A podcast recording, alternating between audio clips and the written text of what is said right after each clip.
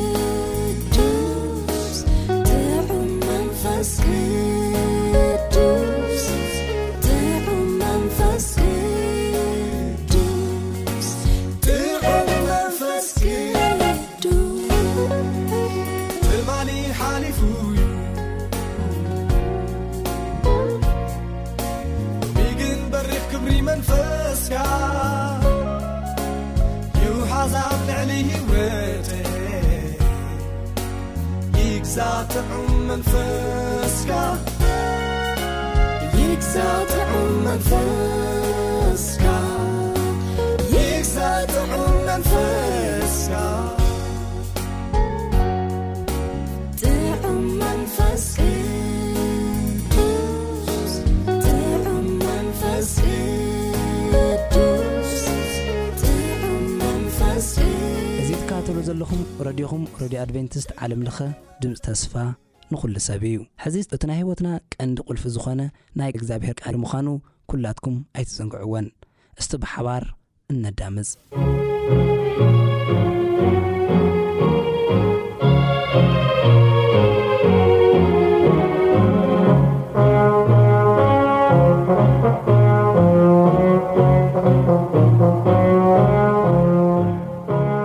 ሰላም ሰላም ኣብ በቦቱ ኮንኩም መደባትና እናተኸታተልኩም ዘለኹም ክብራት ሰማዕትና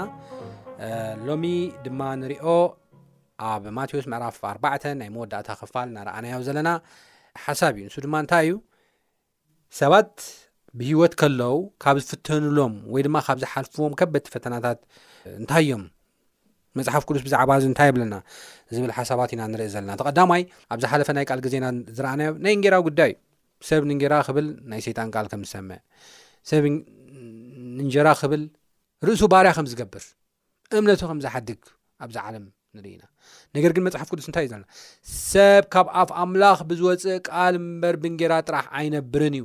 እምነትና ክንሓድግ የብልናን። እግዝኣብሄር ክንውከል ብእግዝኣብሄር ክንእመን ይግብኣና እዩ። እግዝኣብሄር ነቶም ዝእመንዎ በረኻ ኣብ ዝኾነ ባዶ ኣብ ዝኾነ ጥራዩ ኣብ ዝኾነ በረኻ ኣብ ዝኾነ ነገራት እኳ ዝተትረፍረፈ ዝበዝሐ በረኸት ክህቦም ይኽእል እዩ። ከምቲ ቃሉ ብመጀመርያ መንግስትን ጽድቁን ጥራሕ እምበር ድለዩ እምበር ድሓር ኩሉ ክውሰኸልኩም እዩ ከም ዝበሎም ክህብ ይኽእል እዩ። እዚ ከዓ ኣብ ናይ እስራኤላውያን ታሪኽ ኣብዚ ጸኣት ዝረኣናዮ ብኣፍንጫኹም ክሳዕ ዝወጽእ ክሳብ ትመንዎ ስጋ ክበኩም እየ ክሳብ ትመንዎ ማና ክበኩም እየ እናበለ እግዚኣብሔር ክሳብ ዝመንዎ ዋላ ዓሰርተ ግዜ ተተፋታተነዎ እኳ ክሳብ ዝመንዎ ከም ዝሃቦም ኢና ንርኢ ማለት እዩ ስለዚ ኣብ እግዚኣብሄር ክንውከል ብእግዚኣብሄር ክንእመን እምበረይ ንእንጀራ ኢልና ርእስና ክንልወጥ ኣይግባኣን እዮ እንጀራ ባዕሉ ንሕና እግዚኣብሄር ከነቐድም ከልና ብ ሂወትና ንእግዚኣብሄር ከነምልኽ ከልና ባዕሉ ዝስዕበና ከም ዝኾነ ይዛረበና መጀመርያ መንግስቱን ፅድቁ ንድለዩ ድሓር ኩሉ ክስዕበኩም ዩ ባዕሉ ክክተለኩም እዩ ዝብለና መፅሓፍ ቅዱስ እሞ በዚ ክንእመን ኣለና እቲ ካልኣይ ዝረኣናዮ ንእግዚኣብሔር ኣምላኽካ ኣይትፈታተኖ ዝብል እዩ ሰይጣን ብዙሕ ግዜ ንእግዚኣብሔር ኣምላኽና ክንፈታተኖ ልክዕ ከም እስራኤላውያን ልክዕ ከም እስራኤላውያን ክንፈታተኖ ይግደፋፍኣና እዩ ካብ ዝገርም ኣብ ዝሓለፈ ናይ ቃል ግዜና ዝረኣናዮ ኣብ ናይ እስራኤላውያን ታሪክ እዩ እስራኤላውያን ሎሚ እግዚኣብሄር ማና ይህቦም ማና ሰልቺና መን መሃበና ኣብ ግብፂ ተንመውት ስጋ ናፊቕና ይብሉ የጉረምርሙ ስጋ ይህቦም ስጋ ሰልቺና ደሓር ፅኒሕ ኢሎም ከዓ ማይ ይህቦም ማይ ስኢና ማይ መፂፅና እናበሉ ዓሰርተ ግዜ እዮም ዝፈታተንዎ ነይሮም ኢንፋክት እግዚኣብሄር ናይ ምፍትታን ውፅኢት እንታይ ኢልና ጥፍኣት እዩ እዞም እስራኤላውያን ምንም ክተርፉ ኣይከኣሉን ምንም ክተርፉ ኣይከኣሉን ብጀካ ኤልያስን እያሱን ብእግዚኣብሄር ተኣሚኖም ክሳብ መጨረሻ ዝፅንዑ ካብ ግብፂ ዝወፁ እስራኤላውያን ብምልኦም ኣብ ምድረ በዳ ከም ዝሞቱን ከም ዝፀፍኡን እዩ ዝዛረበና ማለት እዩ ናይ እግዚኣብሔር ሓለዋ ስለ ዘይነበረ ይኮነ ብምጉርምራሞም ንእግዚኣብሔር ብምፍታኖም ግን ከም ዝተጠፉ ኢና ንርኢ ካብዚ ብተወሳኺ ቤልሻፅር ኢና ርኢናዩ ቤልሻፅር እግዚኣብሄር ብተደጋጋሚ ዘምሃሮ በብኡ ዘምሃሮ ሰብ እዩ ነይሩ ነገር ግን ዕድለኛ ሰብ እኳ እንተነበረ እንታይ ስኬት ናይ ኣቦይ ዝፈርሑ ዝነበረ ኣምላኽ ሲ እንታይ እዩ መን እዩ ኢሉ እንደገና ክዳፈር ከም ዝጀመረ ኢና ንርኢ ክላገፅ ከም ዝጀመረ ኢና ንርኢ ነገር ግን ምንም ናይ ንስሓ ዕድል ከይተዋህቦ እዩ እቲ መንግስቱ ጠሪስዎ እግዚኣብሔር እቲ መንግስቱ ንሜዶንን ንፋርስን ክወሃብ ከም ዝገበሩ ኢና ንርኢ ሽዑ ንሽዑ ከም ዝቕተል ከም ዝገበሩ ኢና ንርኢ ብዝሕዝን ነገር ማለት እዩ ስለዚ ንእግዚኣብሔር ኣምላኽ ምፍታን ጥፍኣት ዘምፅ እዩ ንሕና ንእግዚኣብሔር ኣምላኽ ክንፈታተኖ የብልናን ምስ ዝፈታተኑ ሰባት እውን ንሕና ምስኦም ክንቀርብ እውን የብልናን ምክንያቱ መንገዲ ረሲኣን ጠፋኢት እያ ባዕሎም እቶም ረሲኣኑ ሎሚ ተራእዮም ፅባሕ ከም ዝጠፍኡ እዮም ሎሚ ሓላፊ መሲሎም ክረኣዩ እዮም ድሓር ግን ጠፋእቲ እዮም ሎሚ ድሓን መሲሎም ክረኣዩ ኮይኑ ፅባሕ ግን ጠፋእቲ እዮም ክንብል ንኽእል ማለት እዩ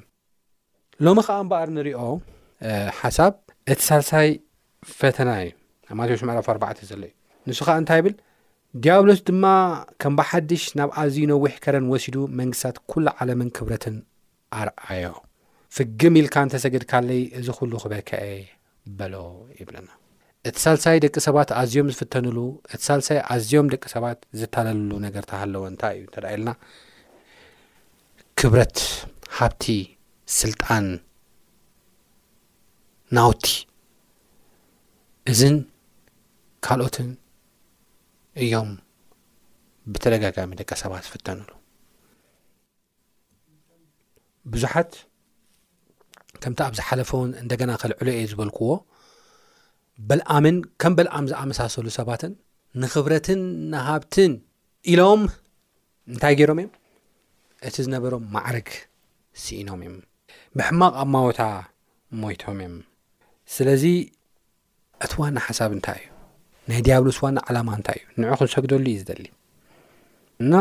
ብገንዘብን ብሃብትን ብክብረትን ገይሩ ኣታሉ ንክንሰግደሉ እዩ ዝደሊ ማለት እዩ እሞ ኣብዚ ነገር እዚ ናይ የሱስ ክርስቶስ መልሲ እንታይ እዩ ነይሩ ንእግዚኣብሔር ኣምላኽካ ጥራሕ ስገድ ንዑ ጥራሕ ኣምልኽ ተባሂሉ ተጻሒፉ እዩ ምናልባት ካብቶም ክልተ ፈተናታት ኣብ ዝሓለፈ ዝረኣናዮም ሳልሳይን ኣዝዩ ከቢድን እዚ ይመስለኒ ከምዚ ይብል ባላቅ ሞኣባዊ፣ እስራኤላውያን ከጥፍኡኒ መጺኦም እዮም፣ ኣብ ኣከባብየይ መጺኦም ድማ ከጥፍኡኒ ስለ ዝደለዩ፣ ንእስራኤላውያን ርገመለይ፣ ንስኻ ዝረገምካዮ ርጉም፣ ንስኻ ዝባረኽካዮ ኸኣ ብሩኽ እዩ እሞ፣ ርገመለይ ኢሉ ንበልኣም ከም ዝጸውዖ ኢና ንርኢ። ብዙሕ ገጸ በረኸት ሒዙ መጺኡ ማለት እዩ። እዚ ምስ በሎ፣ እስኪ ምስ እግዚኣብሄር ክማኸር ኢሉ ኣብ ዘሁልቍ ምዕራፍ ዕስራን ክልተን ዘሎ ሓሳብ ይነግረና። ምስ እግዚኣብሔር ተማኺሩ እግዚኣብሔር እውን እዚ ሰብ እዚ ርገመለይ ኢሉ እዮ ክፅዋዓካ መፅ ዘሎ ስለዚ እቲ ህዝቢ ድማ ህዝቢ እስራኤል ድማ ብሩኽ እዩ ኣብኡ ርጉማን ዘይሰርሕ ህዝቢ እዩ ስለዚ ምስ ኣይትኺድ ወላ ገፀ በረከት ይሃብካ ምስ ኣይትኺድ ከም ዝበሎ ኢና ንርኢ ነገር ግን በልኣም ናይ ባላቅ ተደጋጋሚ ዝኾነ ውህብቶን ክብረትን ስልጣንን ገንዘብን ናውትን ርእዩ ከም ተፈተነ እዩ ዝነግረና ብጣዕሚ ተፈተነ ይብላ እግዛብሄር እኳ እናተዛረቦ ቀጥ ኢሉ ከምዝወፀ ኢና ንርኢ ኣድጊ እኳ መልኣኽ ኣብ ቅድሚኡ ኮይኑ እናኸልከላ ነታ ዔሉ ከምዝወቕዐ ኢና ንርኢ ህዝቡ ክረግም ህዝቢ ኣምላኽ ክረግም ከም ተጓየ ከም ተጻደፈ ኢና ንርኢ ኣብዚ ህሉቅ ምዕራፍ 23 ከድና ኣብ ንርእየሉ እዋን በላም ድማ ንባላቅ ኣብዚ ሸውዓተ መሰውእ ንደቀለይ እሞ ሸውዓተ ዘራብዕን ሸውዓተ ደዓውልን ኣዳልወለይ ኢሉ ከም ተዛረቦ ንእስራኤላውያን ክረግም ኢና ንብል። ባላቅ ከኣ ከምቲ በልዓም ዝበሎ ገበረ፣ ባላቅ ከኣ ንበልዓም ኣብ መሰውእ ሓደ ዝራብዕ ሓደ ድዑልን ሰውኡ። በልኣም ድማ ንባላቅ ኣብ ጥቃ ዝሓርር መስዋእትኻ ደው በል፣ ኣነ ምናልባሽ እግዚኣብሄር ክራኸበን እንተ ወጸ ክኸይድ እየ፣ እቲ ንሱ ዘርእየኒ ነገር ከኣ ክነግረካ እየ በሎ። ናብ ሓደ መላጥ በሪኽ ድማ ከደ። ኣምላኽ ከኣ ንበልኣም ተጓነፎ፣ ንሱ ድማ ሸውዓተ መሰውኢ ኣዳሎኹ፣ ኣብ መሰኡ ከኣ ዝራብዕን ድውዕልን ሰዋእኹ ይብል። ካብ ዝገርም ነገር እግዝኣብሄር ግደፍ እናበሎ በቲ ሃብቲ ተታሊሉ፣ በቲ ክብሪ፣ በቲ ናውቲ ተታሊሉ እኳ እናኸደ ሕጂ እውን ግደፍ እናበሎ ክሳብ መወዳእታ እታ እግዝኣብሄር ኣይትኺድ ዝበሎ ኣብታ መወዳእታ ደረጃ እኳ በጺሑ እግዝኣብሄር ይማኸሮ ደፋር እዩ ሰዋእኹ ኣይትኺድ ጭራሽ ኣይትኺድ እናበሎ ከይዱ ደሓር ናይ ባዕሉ መስዋእቲ ተሰዊኡሲ እሰዊኤ ኣለኹ ኢሉ ከም ተዛረበ ኢና ንርኢ እግዚኣብሄር ድማ ቓል ኣብ ኣፍ በልኣም ኣንበረ፣ ናብ ባላቕ ድማ ተመሊስካ ከምዚ ኢልካ ተዛረቦ ከኣ በሎ። ንኣኡ ተመልሰ፣ እንሆ ኸኣ ንሱ ምስ ኵሎም ሹማምንቲ ሞኣብ ኣብ ጥቓ እቲ ዝሓርድ መስዋእቲ ደው ኢሉ ነበረ። ምስ ልኡል ዒሉ ድማ በለ፣ ባላቕ ካብ ኣራም፣ ንጉስ ሞኣብ ኣብ ኣኽራን ምብራቕ ኣምጽኣኒ፣ መጺእኻ ንያእቆብ ርገመለይ፣ ንዓ ንእስራኤል ጸይፉ። ኣምላኽ ንዘይረገሞ ኸመይ ኢለ ክረግሞ እግዚኣብሄር ንዘይጸየፎኸ ኸመይ ገይረ ክጽየፎ ካብ ርእሲ ኣኻውሕ ደኣ ኣርእዮ ካብ ኩርባታት ኣጠምቶ እጥምቶ ኣለኹ እኖ ንበይኑ ዝቕመጥ ህዝቢ ምስ ህዝብታት ኣይቁጸርን ነቲ ሓመድ ያቆብ መን ክቆጽሮ ይኽእል ወይ ንርብዒ እስራኤል መን ይዝብዝቦ ነፍሰይ ሞት ጻድቃን ትሙት መወዳእታይ ከኣ ከም ናቱ ይኹን ባላቅ ድማ ንበልኣም እንታይ እንታይ ዝገበርካኒ ንጸላእቲ ክትረግሞም ኣምጸኡካ እኖ እስኻ ፈጺምካ መረቕካዮም በሎ ንሱ ድማ እቲ እግዚኣብሔር ኣብ ኣፈይ ዘንበሮ ተጠንቂቀ ክዛረብ ዶ ኣይግብኣንን እዩ ኢሉ ተዛረበ። ክሳብ ኣብዚ እኳ እግዚኣብሔር እናነገሮ። መሊሹ ባላቅ ድማ በጃካ ኣብኣ ኮንካ ክትርእዮምሲ ናብ ካልእ ቦታ ምሳይ ኪድ ናይ ሓደ ወገን ወሰኖም ትርኢ ኣሎኻ እምበር ንብዘሉ ኣይትርእዮምን ኢኻ ዘሎኻ ኣብኡ ኮንካ ንኣታቶም ርገመለይ በሎ ናብ መረሩ ጺፎም ናብ ርእሲ ጲስጋ ድማ ወሰዶ ኢሉ ኸዓ ብዙሕ ህያብ ሃቦ ይብለና ርገመለ ኢሉ ኸዓ እንደገና ናብቲ ሓደ ከም ተኸደ ኢና ሽዑ ምስ ልኡል ኢሉ በለ ባላቅ ተንስእ ስማዕ ኣታ ወዲ ጲዑር ናባይ ጽን በል ኣምላኽ ከይሕሱ ሰብ ኣይኮነን ከይጠዓስ ከኣ ወዲ ሰብ ኣይኮነን ንሱ ዝበሎ ሳይገብሮ እንዶ እተዛረቦ ሳይጽየፎ እንዶ እነኡ ክምርቕ ተኣዚዘ ንሱ ድማ ባሪኹ እዩ ኣነ ኸዓ ክመልሶ ይከኣለንን እዩ ኣብ ያእቆብ ክፍኣት ኣይጠመተን፣ ኣብ እስራኤል ከኣ ሕሰም ኣይረኣየን፣ እግዚኣብሄር ኣምላኹ ምስኡ እዩ፣ እልልታ ንንጉስ ድማ ኣብ ማእከሉ ኣሎ፣ ኣምላኽ ከኣ ኣብ ግብጺ ኣውጽኦም፣ ሓይሊ ከም ናይ ርኢም ዝበለ ኣለዎ። ኣብ ያእቆብ ኣስማት፣ ኣብ እስራኤል ከኣ ጥንቁልና የልቦን። ብዛዕባ ያእቆብን እስራኤልን ብግዜኡ ኣምላኽ ከመይ ዝበለ ግብሪ ገበረ ክበሃል እዩ። እነሆ ህዝቢ ከም ዋዕሮ ይትንስእ፣ ከም ኣንባሳ ይለዓል። ዝዘርፎ ክሳዕ ዝበልዕ ድማ እቶም ቅቱላቱ ኸኣ ክሳዕ ዝሰቲ በጥ ኣይብልን። ሽዑ ባላቅ ንበልኣም፣ ምርጋም ኣይትርገም፣ ምምራቕከ ኣይትመረቕ በሎ። በልኣም ግና ንባላቅ፣ እግዚኣብሄር ዝበለኒ ኹሉ እየ ዝገብር ኢለዶ ኣይተዛረብኩኻን እየ? ኢሉ መለሰሉ። ባላቅ እንደገና ሳልሳይ ውህበት ሂቡ፣ ለሚኑ፣ እንደገና እንታይ ሽሙ ከም ዝበሎ ኢና ንርኢ ባላቅ ድማ ንበልኣም ናብ ካልእ ቦታ ክወስደካ ምናልባሽ ኣምላኽ እንተሰመሮ ኣብኡ ኮንካ ክትረግመለይ በጃኻ ንዓ በሎ ባላቅ ከዓ ንበልዓም ንበረኻ ኣቢሉ ናብ ዝርኢ ናብ ርእሲ ጲዖር ወሰዶ በልኣም ድማ ንባላቅ ኣብዚ ሸውዓተ መሰኡ እንደቀለይ ሸውዓተ ዝራብዕ ሸውዓተ ድዑለን ከዓ ኣብዚ ኣዳለወለይ በሎ ባላቅ ድማ ከምቲ በልኣም ዝበሎ ገበረ ኣብ መሰኡ ከዓ ሓደ ዝራብዕን ሓደ ድዑልን ሰውእ ኣይብለና። በላም ድማ ንእስራኤል ክምርቖ ኣብ ቅድሚ እግዚኣብሄር ጽቡቕ ከም ዝኾነ ምስ ረኣየ፣ ገጹ ንበረኻ ኣቢሉ መለሰ እምበር፣ ከምተን ቀዳሞት ግዜያት ብኣስማት ክቀባበል ኣይከደን። በላም ከኣ ዓይኑ ኣልዓለ፣ ንእስራኤል ከኣ በብነገዶም ሰፈሮም ረኣዮም፣ መንፈስ ኣምላኽ ድማ ናብ ልዕሊኡ መጸ፣ ምስሉ ልዒሉ ኸኣ በለ። በልዓም ወዲ ቢዖር ከምዚ ይብል፣ እቲ ክፉት ኣዒንቲ ዘለዎ ሰብኣይ ድማ ከምዚ ይብል፣ እቲ ቃል ኣምላኽ ዝሰምዕ ናይቲ ኩሉ ዝኽእል ራእይ ዝርኢ እቲ ዝወደቐ ዓይንቱ ከኣ ዝኽፈተሉ ከምዚ ይብል ኣታ ያዕቆብ ድኳናትካ ኣታ እስራኤል ድማ ማሕደራትካ ክንደይ ይጽብቕ ከም ለሴታት ከም ገምገም ሩባ ከም ዘሎ ኣታኽልቲ እግዚኣብሔር ከም ዝተኸሎ እሬታት ኣብ ወሰን ማይ ከም ዘሎ ጽሕትታት እዩ ዝዝርግሑ እናበለ ክምርቆ ከሎ ኢና ንርኢ ንሱ ከም ኣንበሳ በጥ ኢሉ ከም ዋዕሮ ድማ ደቂሱ ኣሎ መን የተንስኦ ዝምርቐካ ምሩቕ ዝረግመካ ከኣ ርጉም ይኹን ኢሉ ነገር ግን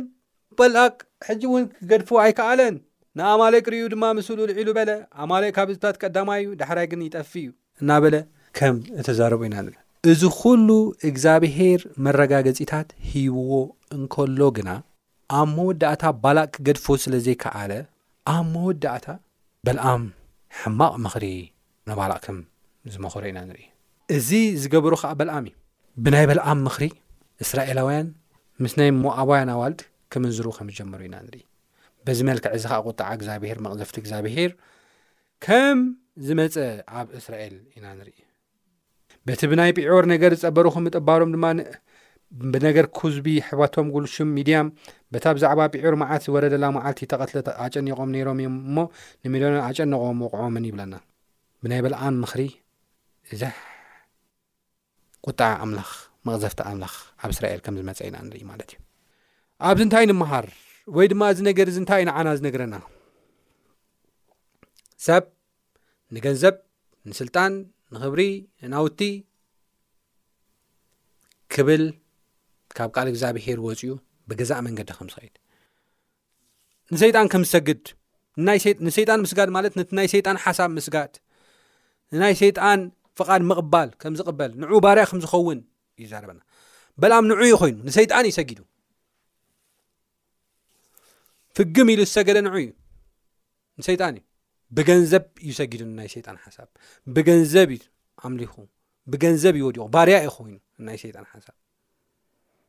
ንብዙሓት ናይ ምጥፋእ ምክንያት ድማ ከም ዝኾነ ኢና ንርኢ እግዚኣብሄር ብተደጋጋሚ እናበሎ ካብ ዝወፅእ ጀሚሩ ክሳብ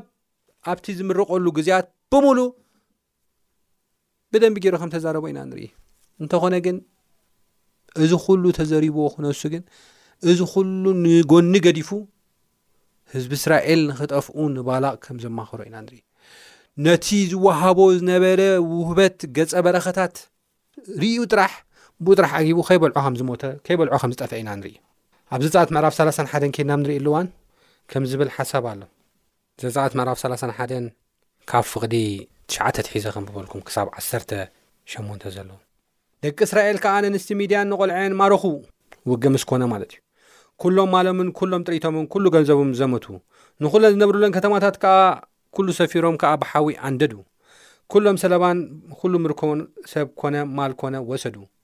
ነቶም ምሩኻቱ ኸኣ ነተን እተዘምታ ነተን ሰለባን ድማ ናብ ሙሴን ናብ ካህንን ኣልኣዛር ናብ ኣኼባ ደቂ እስራኤልን ናብቲ ሰፈር ኣብ ጐልጐል ሞኣብ ናይ ዮርዳኖስ ኣብ መንጽር ያሪኮ ኣምጽዎ ሙሴን ካህን ኣልኣዛርን ኩሎም ሹማምንቲ ኣኼባን ድማ ናብ ወጻኢ ሰፈር ክቕበልዎም ወጹ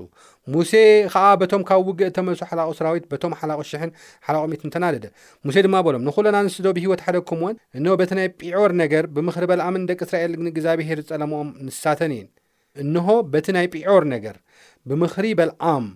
ንደቂ እስራኤል ንእግዚኣብሔር ዝጠለምኦም ንሳተን እየን። ስለዚ ኸኣ ኣብቲ ኣኼባ እግዚኣብሔር መዓት ኮነ ይብለን። ሕጂ ኸኣ ካብ ቈልዑ ተባዕታይ ዘበለ ቕተሉ። ብምድቃስ ሰብኣይ ዝፈለጣ ኩለን ኣንስቲ ከኣ ቅተልወን፣ ብምድቃስ ተባዕታይ ዘይፈልጣ ኩለን ኣዋልድ ከኣ ሕደግወን። ንስኻትኩም ከኣ ክሳብ ሸውዓተ መዓልቲ ኣብ ወጻኢ ሰፈር ስፈሩ። ሰብ ዝቐተለ ዘበለ እንተ ተተንክየ ተበለ ከኣ ንስኻትኩም ምሩኻትኩም ብሳልሰይቲ መዓልቲ ርእስኹም ኣንጽሁ ይብል። ስለዚ እዚ ሓሳብ እዚ ከይድና ኣብ ንርእየሉ እዋን፣ በለዓም ነዘን ሰባት ነዚ ሕማቕ ምኽሪ ከም ዝመኸሮም፣ ንሞኣባውያን ወይ ድማ ንባላቕ በዚ መልክዕ እዚ ድማ መቕዘፍቲ ከም ዝኾነ ኢና ንርኢ እቲ ገንዘብ እኳ ተተዋህበ ግን እቲ ገንዘብ ግን ክበልዖ ከም ዘይከኣለ በልኣም ድማ ከም ዝጠፍአ ኢና ንርኢ በልኣም ከም ዝሞተ ከም ዝቐተልዎ ከም ተቐትለ እዩ ዝዛረበና እወ ኣሕዋተይ መጽሓፍ ቅዱስ ሕጂ እውን ኣብ ማቴዎስ ምዕራብ 6 ፍቕዲ 3 ሰለስተን ኮነ ከምኡውን ኣብ ካልእ ጥቕስታት መጽሓፍ ቅዱስ ከይና ንርኢ ኣለዋን ብመጀመርያ መንግስትን ጽድቁን ድለይ ድሓር ኩሉ ክውሰኸልኩም ይደልን ምናልባት ክንደሊ ንኽእል ንኸውን ኢና፣ ሃብቲ ክንደሊ ንኽእል፣ ክብሪ ክንደሊ ንኸውን ኢና፣ ነገር ግን እግዚኣብሄር ካብኡ ዝበለጸ፣ እቲ እተመነናዮ ነገር ኩሉ ድማ ክህበና ቃል ከም ዝኣተወ ይዛረበና እዩ ማለት እዩ። ስለዚ ካብዚ ነገር እዚ ንሕና ክንድሕን ይግባኣና፣ ካብዚ ሓጢኣት እዚ ርእስና ክንኣሊ ይግባኣና። ናይ ሰብ ህይወቱ ብብዝሒ ገንዘብ ኣይኮነን እሞ ካብ ኩሉ ስስዐ ተጠንቀቑ ይብል መጽሓፍ ቅዱስ ስለዚ ካብ ኩሉ ስስዐ ክንጥንቀቕ ብእግዚኣብሔር ምእማን ክንመላለስ ኣብኡ ብምምርካዝ ክንመላለስ እግዚኣብሔር ጸጉ ይብዝሓሉ ኣብ ዝቕፅል ብካልእ ክሳብ ንራኸብ ሰላም